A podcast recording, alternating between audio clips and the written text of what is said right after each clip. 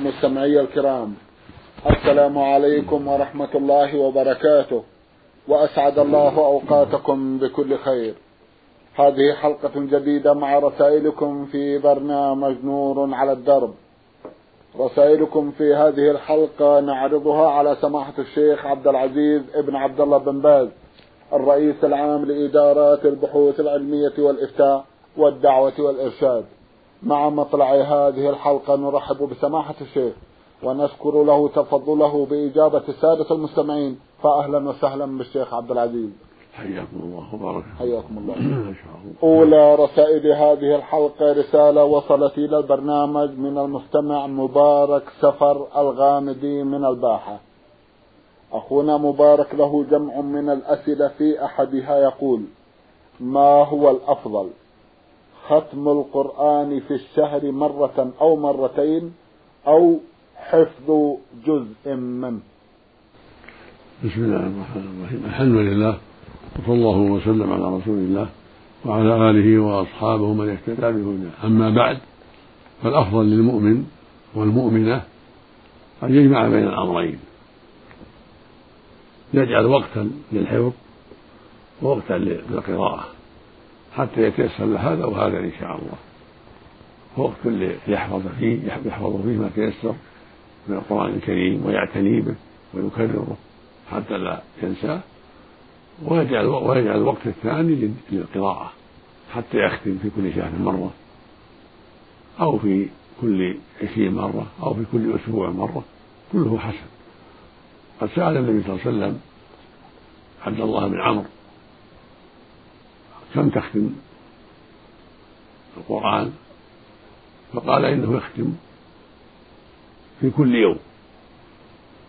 فقال له النبي صلى الله عليه وسلم إن ليس عليك حقا ولأهلك عليك حقا ولغيرك عليك حقا فاقرأه في كل شهر. فقال إني أطيق أفضل من ذلك. فلم يزل يقول له حتى قال اقرأه في كل أسبوع. ثم طلب الزيادة فقال اقرأه في ثلاث. فالمقصود أن الأفضل أن الإنسان يرفق بنفسه ولا يشدد فإذا كان الأرفق به أن يقرأه في الشهر مرة فعل ذلك. وإن كان عنده قدرة وسعة من الوقت ختمه في كل عشرين أو في كل عشر أو في كل أسبوع مع الترتيل ومع التدبر ومع التعقل هذا هو الأفضل. والأفضل في كل أسبوع إذا تيسر له ذلك لأن هذا أقرب إلى التدبر والتعقل. وإن شق عليه ذلك لمشاغله وحاجاته الأخرى قرأه في كل شهر. أما الحفظ فيجعل له وقتا خاص في الليل أو النهار يحفظ فيه ما تيسر قليلا قليلا حتى يكمل إن شاء الله حفظ القرآن. فلا يجعل الزمن كله للحفظ ولا يجعل الزمن كله للقراءة بل يجعل وقتا لهذا ووقتا لهذا. نعم. جزاكم الله خيرا. ما معنى إسباغ الوضوء وإطالة الغرة؟ معنى إسباغ الوضوء إتمامه وإكماله على كل عضو بإبلاغ الماء بسيل الماء عليه. فإسباغه في الوجه أن يعمه بالماء ولو مرة واحدة. فإن عمه ثلاثة فهو أفضل. وإسباغ ما في اليدين أن يعم اليدين بالماء. من أطراف الأصابع إلى المرافق. مع غسل طرف العرض حتى يدخل المرفق. والواجب مرة فقط. فإن كرر مرتين فهو أفضل. وإن كرر ثلاثة فهو أفضل وأكمل. وإن دلك فلا فلا بأس الدلك أفضل. ولكن لا يلزم الدلك. يكفي إمرار الماء. والوجه والغسل والرأس يمسحه مرة واحدة. هذا هو الأفضل. يمسح رأسه مرة واحدة مع الأذنين يبدأ بالمقدمة إلى قفاه ثم يعيد يديه إلى مقدمة. هذا هو الأفضل. ويدخل أصابعيه أصابعه السبابتين في أذنيه ويمسح بإبهاميه ظاهر أذنيه. هذا هو السنة. ولا حاجة إلى التكرار. أما القدمان فيغسلهما ثلاثا. هذا هو الأفضل. ثلاثا ثلاثا. كل قدم ثلاثة يعم الماء يعم الماء القدم كله من الكعبين إلى أطراف الأصابع. فإذا عمه بالماء هذا إسباق وإن كر مرتين فهو أفضل. وإن كر ثلاث فهو أكمل وأفضل. ولا يزيد على ثلاث.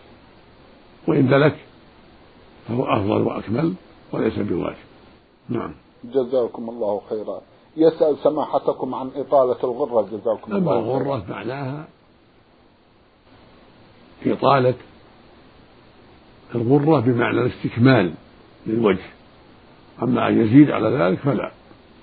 وهو من من من إدراج أبي هريرة المعروف أنه موقوف على أبي هريرة.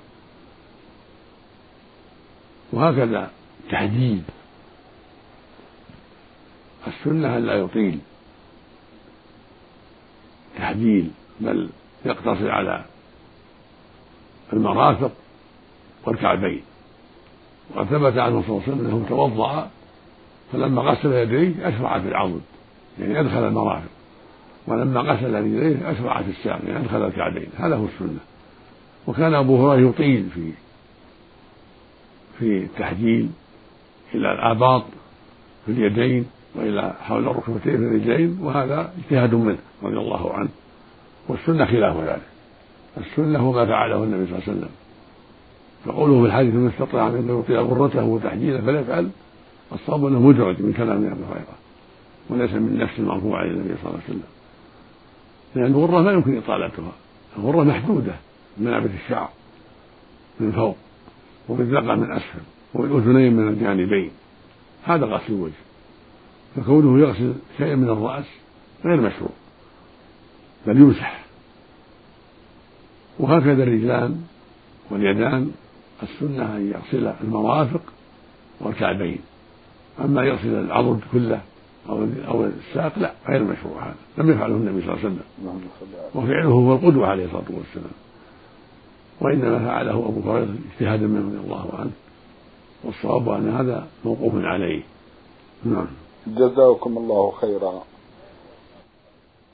ما هو الأفضل؟ هل نقرأ الدعاء المكتوب في آخر بعض المصاحف المسمى دعاء ختم القرآن الكريم أم نغفل ذلك؟ الدعاء في الختم غير محدود يقرأ ما تيسر الإنسان إذا ختم القرآن يدعو ما تيسر. والأفضل أن لا يلحق بالقرآن شيء يكون القرآن في المصحف فقط لا يزاد عليه شيء. أن يكون المصحف ليس فيه شيء زيادة على القرآن. أما الدعاء فيكون في ورقة أخرى خارج القرآن يحفظه في ورقة يكتبه في ورقة ويقرأه لا بأس. يقرأ ما تيسر. والدعاء المنسوب إلى شيخ الإسلام ابن تيمية دعاء طيب لا بأس به. المقصود أن يقرأ ما تيسر ليس في شيء محدود يعني يبدأ بحمد الله والصلاة على النبي صلى الله عليه وسلم ثم يدعو ما يسر الله. ومن ذلك الدعاء المشهور اللهم إني عبدك من عبدك. هذا حديث ثابت فإذا دعا به فهو أفضل. وإذا دعا بدعوات أخرى مع ذلك يسأل الله الجنة ويتعوذ به من النار ويسأل الله أن يمن عليه بفهم القرآن والعمل به. كل ذلك طيب. نعم. جزاكم الله خيرا. من فاته أن يصلي الوتر فهل يقضي؟ ومتى يكون القضاء؟ وهل يقنت في القضاء؟ كان النبي صلى الله عليه وسلم إذا شغله عن الوتر مرض أو نوم كما قالت عائشة رضي الله عنها صلى من النهار ثنتي عشرة ركعة شفعا وليس في قنوت. فإذا نام عن الوتر أو شغله شاغل سن له أن يقضي من النهار الضحى هذا أفضل. وإن قضاه بعد الظهر فلا بأس. يصلي ركعتين ركعتين. ولا يوتر بل يشفع. فإذا كان عادته خمسا صلى ست ركعات ثلاث تسليمات. وإذا كانت عادته سبعا صلى ثمان ركعات أربع تسليمات. وإذا كانت عادته أحد عشر كفعل النبي صلى الله عليه وسلم صلى ثنتا عشرة ثنتا عشرة ركعة كفعل النبي صلى الله عليه وسلم. فإن الغالب من, من وتره إحدى عشرة وربما أوتر بثلاثة عشرة. وربما أوتر بأقل من ذلك بتسع وسبع عليه الصلاة والسلام وخمس وثلاث لكن الأكثر والأغلب كان يوتر بإحدى عشرة يسلم من كل اثنتين ويوتر واحدة عليه الصلاة والسلام. هذا هو الأفضل وهذا هو الأغلب من فعله صلى الله عليه وسلم. ولهذا كان إذا فاته من الليل صلى من النهار ثنتي عشرة ركعة ست تسليمات. هذا هو الأفضل. وليس هناك قنوت القنوت في الليل في الوتر. الواحدة الأخيرة. نعم.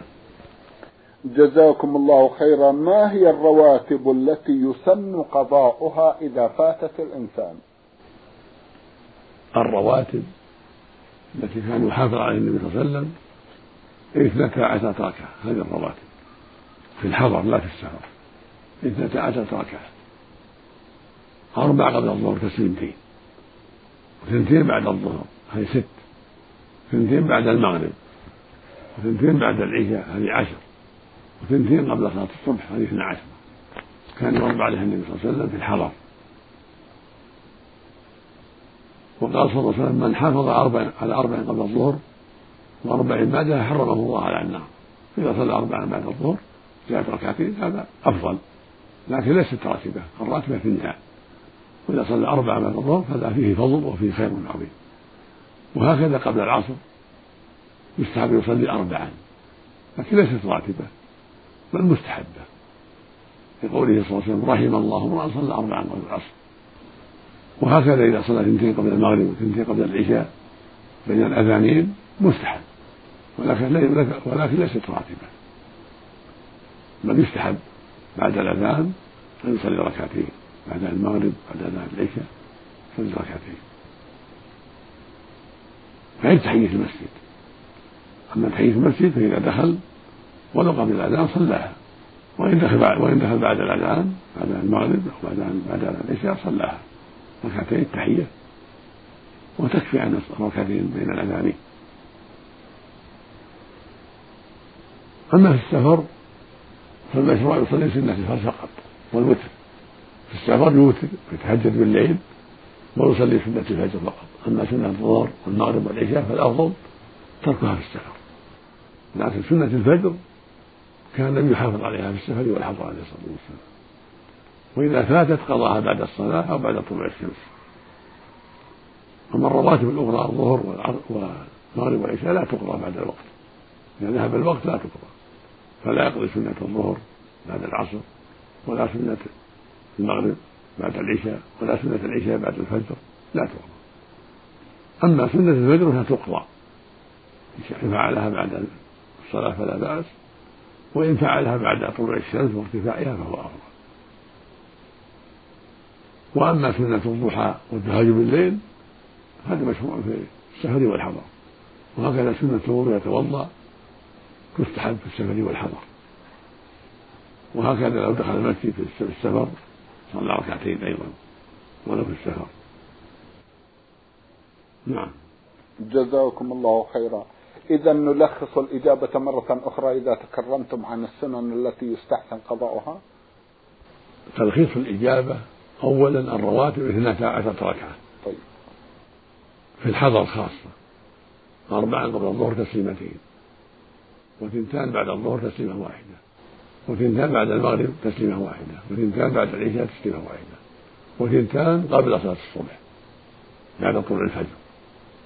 هذه الرواتب التي كان يحافظ عليها النبي صلى الله عليه وسلم. أما التي تقضى فهي سنة الفجر فقط.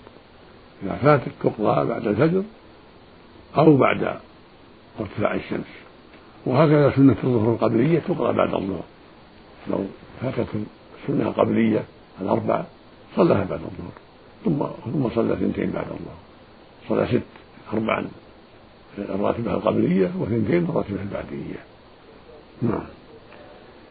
جزاكم الله خيرا من أحد الإخوة المستمعين رسالة بعث بها إلى هذا البرنامج وضمنها سؤالا واحدا يقول فيه لقد صليت صلاة الفجر في جماعة ولكن في الركعة الأولى نسيت قراءة الفاتحة وبعد تسليم الإمام قمت للركعة الأولى التي نسيت فيها الفاتحة لحديث الرسول صلى الله عليه وسلم لا صلاة لمن لم يقرأ فاتحة الكتاب.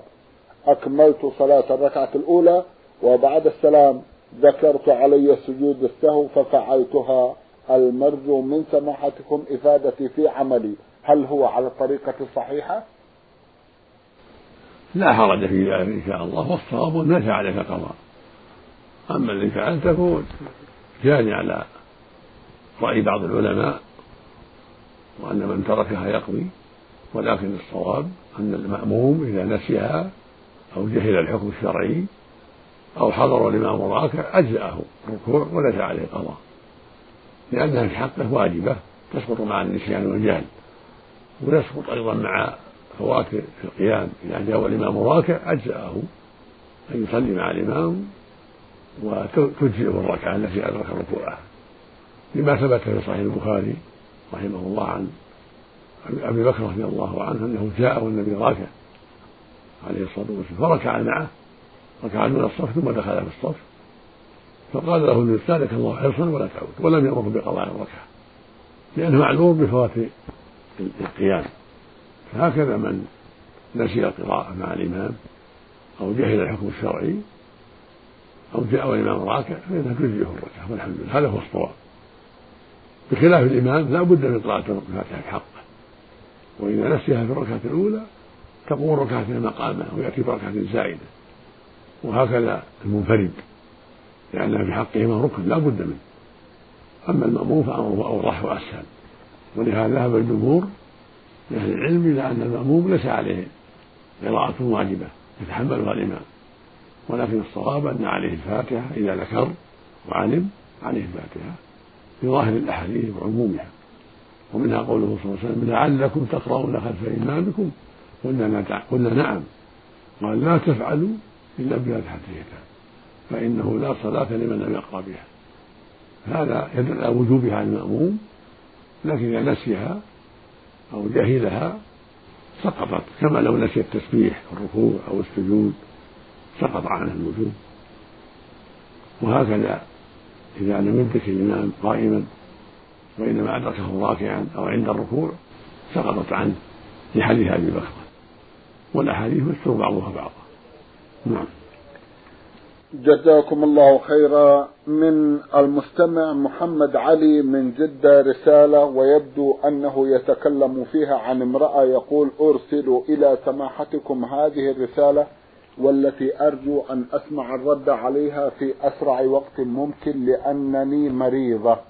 وقد أشير علي أن أعمل بعض الأعمال التي أشك في عدم جوازها لذلك سارعت بالإرسال إليكم.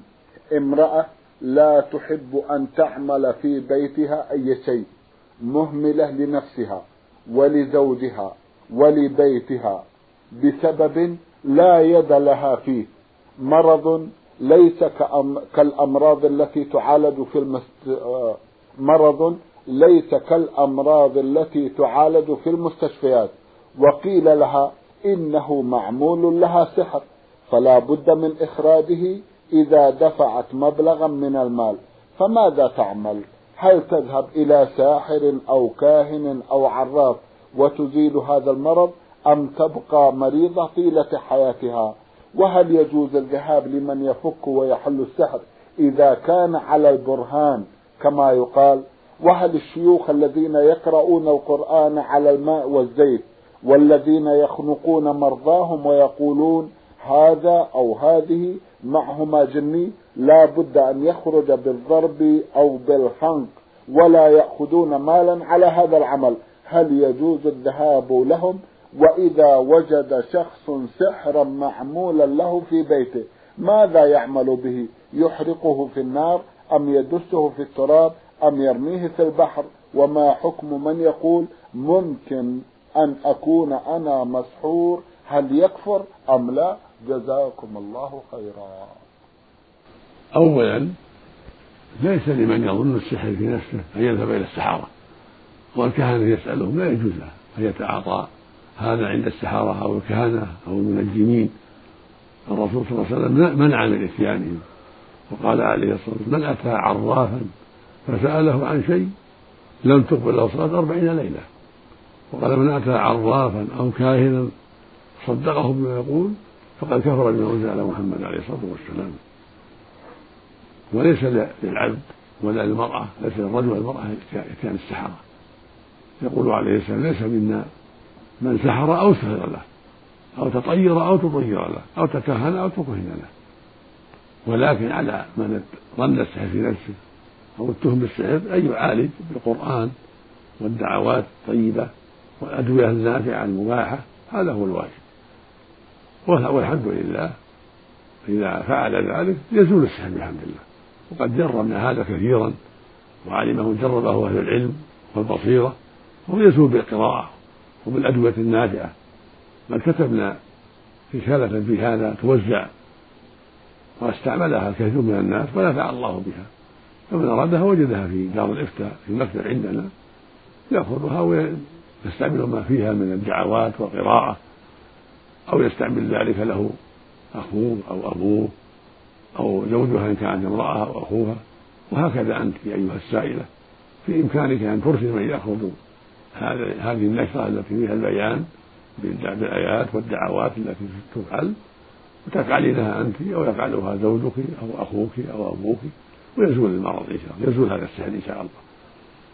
والعلاج بما شرع الله هو الواجب. ما أنزل الله داء إلا أنزل له شفاء سبحانه وتعالى. علمه من علم وجهله من جهل والله جعل كتابه العظيم القرآن شفاء لكل داء. قال تعالى قل هو للذين آمنوا هدى وشفاء. فإذا قرأ به في المصاب أو قرأ عليه غيره من أهل الإيمان والتقوى نفع الله بذلك. آية الكرسي ويا أيها الكافرون قل هو الله أحد قل أعوذ برب الفلق قل أعوذ برب الناس. آية السحر في سورة الأعراف سورة طه في سورة يونس. إذا قرأت على من أصيب بالسحر مع النفس نفعه الله بذلك. أو في ماء ثم شرب منه وتروش به نفعه الله بذلك. وهذا بيناه في الرسالة التي النشرة التي ذكرنا لك آنفا. وإذا وجد شيء يدل على أنه أداة السحر يمزق يتلف. إذا وجد شعر معقد أو خيوط معقدة أو أشياء أخرى يظن أنها من عمل الساحر فإنها تتلف. يجب إتلافها بإحراقها وإتلافها ويبطل السحر بإذن الله. وإذا ذهب المسحور إلى من عرف بالخير والقراءة ليقرأ عليه أو امرأة تعرف بالخير ذهبت لها المرأة قرأت عليها كل هذا طيب. أما الذهاب إلى السحرة والمنجمين والمشاورين والمتهمين فلا يجوز أبدا بل هو منكر. نسأل الله لنا ولك العافية والسلامة. جزاكم الله خيرا. يسأل عن هؤلاء الذين يقرؤون على الماء والزيت ويخنقون كما يقول بعض المرضى. هل يجوز الذهاب لهم؟ هذا شيء آخر يتعلق بالجن. إذا كان الإنسان عنده بصيرة ورأى أن الإنسان قد أصابه مس من الجن فله أن يضربه إذا رأى الضرب وله أن يعالج بالوعيد وله يعالج بالقراءة والدعاء. وكان شيخ الإسلام ابن تيمية وغيره من العلم يعالجون بالضرب إذا اقتضت المصلحة ذلك. ضربا يضر الجني ولا يضر المصاب. يكون أثره وألمه للجني ضربا منهزما ليس فيه خطر. وهكذا الوعيد. هكذا ما يتعاطاه من يحسن القراءة على المصابين الجنون يتعاطون أشياء آه، توجب خروج الجن وتألمه حتى يخرج ويفارق المسحور ويفارق المجنون فإذا كانوا أهل بصيرة وقد اعتادوا هذا الشيء ونجحوا فيه فالحمد لله لا حرج في ذلك. والألم يكون للجن لا للمصاب وهذا ذكره العلماء وبينوه. نعم. جزاكم الله خيرا. من المستمع محمد رمضان عبد المعين مصري مقيم في الأردن يقول أنا رجل أعمل في مزرعة وأسكن فيها وهذه المزرعة تبعد عن المسجد حوالي أربعة كيلومترات. لا أملك ما أركبه. فهل يحق لي أن أصلي مع زوجتي؟ وهل يصح معها الصلاة؟ لو كان يصلي معي شخص آخر وما هي شروط ذلك؟ إذا كان الأمر كما قلت فإنك تصلي وحدك. ولا حاجة أن تصلي معك. وإن صلت معك خلفك فلا بأس. لا تصلي جنبك لكن تصلي خلفك. المرأة خلف الرجال. أما أن يصلي معكم شخص آخر أجنبي فلا أما إذا كان أخوها أو عمها أو أبوها يكون عن يمينك وهي خلفكما. أما إذا كان أجنبي فلا فلا تصلي معكما. إلا إذا صلت وهي مستورة متحجبة لا يرى منها شيئا فلا بأس الحمد لله. كما كان الناس يصلين مع النبي صلى الله عليه وسلم. اللهم صل على لكن لا تصلي مكشوفة أو متساهلة بل تصلي وحدها في محل آخر. إذا كان معك أجنبي من العمال أو غيرهم ولا إذا صلت خلفكم مستورة فلا حرج في ذلك. الحمد لله. جزاكم الله خيرا. يقول لدي مسبحة من معدن لونها أبيض فضي فهل يجوز التسبيح بها؟ وأنا أكبر وأهلل وأسبح كما ورد عن الرسول صلى الله عليه وسلم. فهل هناك خطأ في ذلك؟ لا حرج في ذلك. لكن الأصابع أفضل. إذا سبحت بالمسبحة أو بالنوى أو بالحصى. فلا حرج. في ذلك لكن بأصابعك أفضل. كان النبي صلى الله عليه وسلم يسبح بأصابعه. فأنت إذا سبحت بالأصابع يكون أفضل. أما هذه إذا فعلتها في البيت بالحصى أو بالمسبحة فلا بأس. أما في المساجد لا. لا تخرج بها المساجد. فسبح بأصابعك. سمعت من رجل يقول إن رسول الله صلى الله عليه وسلم صلى الصلاة قبل وقتها بسبب القتال. فهل صح عن رسول الله صلى الله عليه وسلم أن قام بذلك؟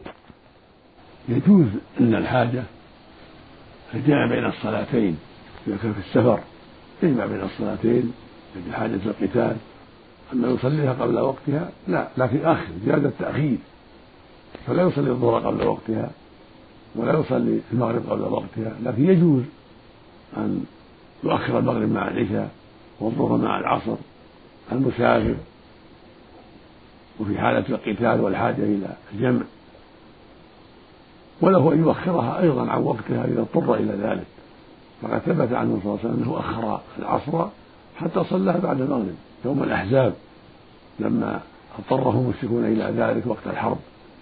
فإذا اضطر إلى ذلك جاز أن يؤخر الصلاة عن وقتها. لا يقدمها بل يؤخرها عند الضرورة شدة الحرب. وله أن يصلي الصلاة كما صلاها النبي وقت الخوف. يصليها. كفعل النبي صلى الله عليه وسلم بأن يجعل الغزو طائفتين. طائفة تصلي معه وطائفة تقوم.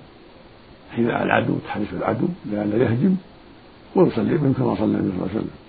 يصلي من أولى طائفتين ركعتين إذا كان في السفر قصرا ثم تذهب تحرس وتأتي الطائفة الأخرى تصلي وحدها أو يصلي بهذه ركعة ثم تكمل لنفسها ثم تذهب تحرس ثم تأتي الثانية وتصلي معها الركعة الثانية ثم تقضي لنفسها ثم تجلس معه ويسلم بها.